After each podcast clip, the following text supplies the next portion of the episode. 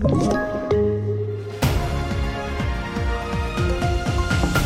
Man frias efter att skott träffat små barn i benen. Nytorgsmannen döms till fem års fängelse för en rad sexualbrott och ryska styrkor uppges ha börjat packa ihop. Ja, här är TV4-nyheter om vi börjar med att idag föll domen mot de fyra män som på olika sätt åtalas för inblandningen i skottlossningen i Flemingsberg söder om Stockholm i somras.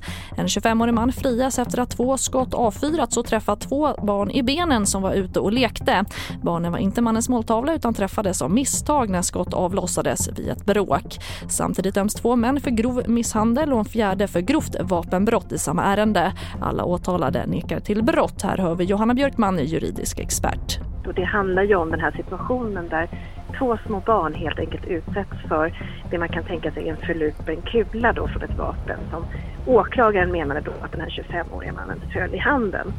Det här har man nu funnit då från domstolens sida inte har ansetts vara styrkt och bakgrunden är väl egentligen att det har varit flera personer på platsen och signalementet, det som egentligen skulle ha pekat ut det vittnena har sagt om den här 25-årige mannen, ja de uppgifterna stämmer faktiskt in på ytterligare en person. Så att han frias helt enkelt på den grunden att man kan inte ställa det som ställt bortom alla rimliga tvivel att det inte finns en annan gärningsperson som kan ha gjort det som han har blivit åtalad för. Och mer om det här kan du se på tv4.se.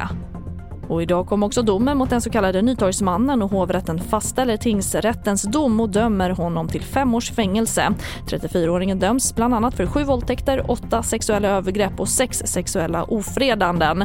Han kunde avslöjas efter att polisen hittat filmer i mannens mobiltelefon när han utsatt kvinnor för övergrepp. Mannen har erkänt en del av brotten. Och vi avslutar med att en del av de ryska trupperna som funnits nära den ukrainska gränsen har börjat återvända till sina militärbaser. Det uppger en talesperson för utrikesdepartementet enligt ryska nyhetsbyråer.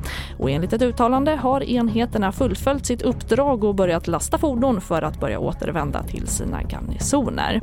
Och även mer om det här kan du se på tv4.se där du också kan hitta massa andra nyheter i studion nu, Charlotte Hemgren.